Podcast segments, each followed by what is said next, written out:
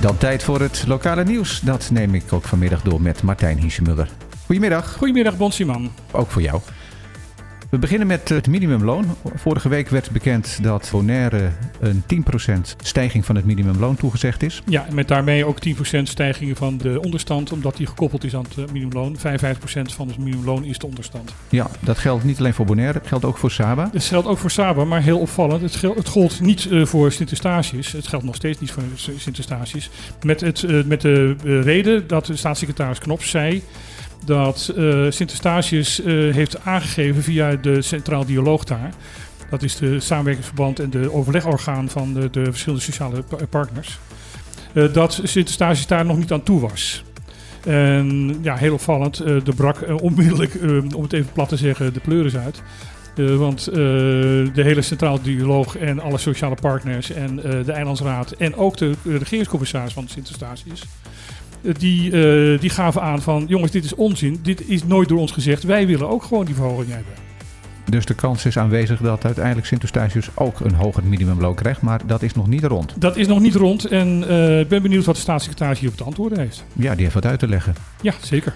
Dan in de laatste editie van Op de Klippen afgelopen zaterdag een primeurtje. Een primeurtje, eh Wietse Koopman, eh, de woordvoerder van Unkebon, zat bij ons om over de hele week met, met de debatten in de Tweede Kamer te praten.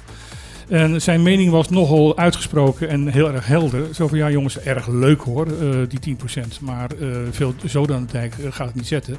Want verwachting is volgend jaar dat er 5% inflatie is. Dan houden we, nog maar een koopkracht stijgen. Want 5% over, daar moet er niks tegen zitten. Anders gaan ze nog in koopkracht op achteruit. Ja, Ehm, hij zei van wij zijn het als Unkebon gewoon zat. Eh, de, de politiek heeft zo langzamerhand ehm, voldoende tijd gekregen om eh, de, de- het probleem op te knappen. ja, want elk jaar weer wordt het aangekaart bij de politiek Ja. door Oenkebon. Al elf jaar. Ja, Al elf jaar. En elf jaar lang krijgt te horen van ja, een stip op de horizon voor het sociaal minimum. Nou, zegt, eh, zegt, zegt Koopman, die stip is ondertussen achter de horizon verdwenen. ja, dat zei iemand anders ook al vorige week. Nou, de, de uitspraak komt van hem. Nou, Oké, kijk aan. Wat gaat er wel gebeuren? Eh, er gaat een rechtszaak tegen de Nederlandse staat eh, begonnen worden. En dat is natuurlijk vrij sensationeel. Dat eh, een consumentenorganisatie op Bonaire ja, in feite de Nederlandse staat uitdaagt van jongens, jullie zorgen niet goed voor je burgers. Je, je, je voldoet niet aan de zorgplicht die een, een staat ten overzicht, ten overzicht van zijn burgers heeft. Dat is een flinke stap. Eh, ook een hele dure stap. Een hele dure stap, dus eh, zij gaan nu binnenkort een eh fondsenwervingscampagne beginnen om dat te kunnen gaan bekostigen. Ja, is er al aangekondigd wanneer dan wordt verwacht die zaak daadwerkelijk Nee, te openen? nee, hij gaf buiten de uitzending aan van daar zijn we nog mee bezig, maar we komen heel binnenkort met vervolgstappen. Daar horen wij vast meer van als het zover is. En als dat zover is, dan is hij weer welkom om dat bij op de clip te komen vertellen. Ja, jij zei vorige week al dat Bonaire gaat mee profiteren van een subsidie op de energiekosten. Ja, het is, eh, de energiekosten reizen de pan uit, eh, wereldwijd. Niet alleen hier, maar eh, ook op andere plekken. Maar hier eigenlijk meer dan op andere plekken, omdat wij dus ook met transportkosten en al dat soort zaken zitten, die dus gaan stijgen door Ja. middel van die energiekosten. Er is eh, 2,9 miljard uitgetrokken in Nederland om eh, burgers te compenseren ehm, en eh, eh, belastingvermindering te geven. Ja, daar, daar vooral in verband met die gestegen gasprijzen. Ja, ja, maar goed, eh, de, de, de, de benzineprijzen in Nederland zijn gekoppeld aan de gasprijzen. Ja, en die zijn natuurlijk ook al flink omhoog gegaan. Boven de 2 euro geloof ik inmiddels Ja. ook een, eh, een litertje. En het heeft ook bij elkaar te maken allemaal. En Dus in totaal 2,9 miljard. Ja. Hoeveel gaat er naar de eilanden? eh, 2 miljoen. Is het al duidelijk hoe dat geld dan wordt besteed?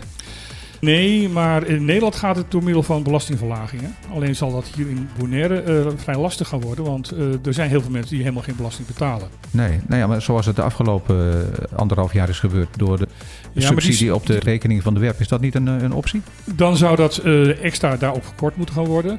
Want je moet dan ook de, de extra kosten voor benzine van je auto moet, moet meegerekend Oh ja. worden. Plus dat de subsidie op die, die vastrechtkosten, die gaat waarschijnlijk door. Die gaat eh, gecontinueerd worden. Oké, dus dit is een extraatje Is een erbovenop. extra erbovenop. Nou, dat Ja. is dan toch wel weer mooi. De regatta zit erop. Ehm, ja, de bootwedstrijden die, eh, zijn gewoon doorgegaan zoals gepland. De kitesurfwedstrijden konden niet doorgaan. Eh, ja, er was te weinig wind. Ja. Dat hebben we ook gemerkt. Er was echt Nou, heel weinig wind. Inderdaad, Traditioneel met de, met de regattaweek was er weinig wind. Ja. Ik weet niet hoe ze dat uitzoeken, maar iedere keer, de, de, het gebeurt heel vaak in ieder geval.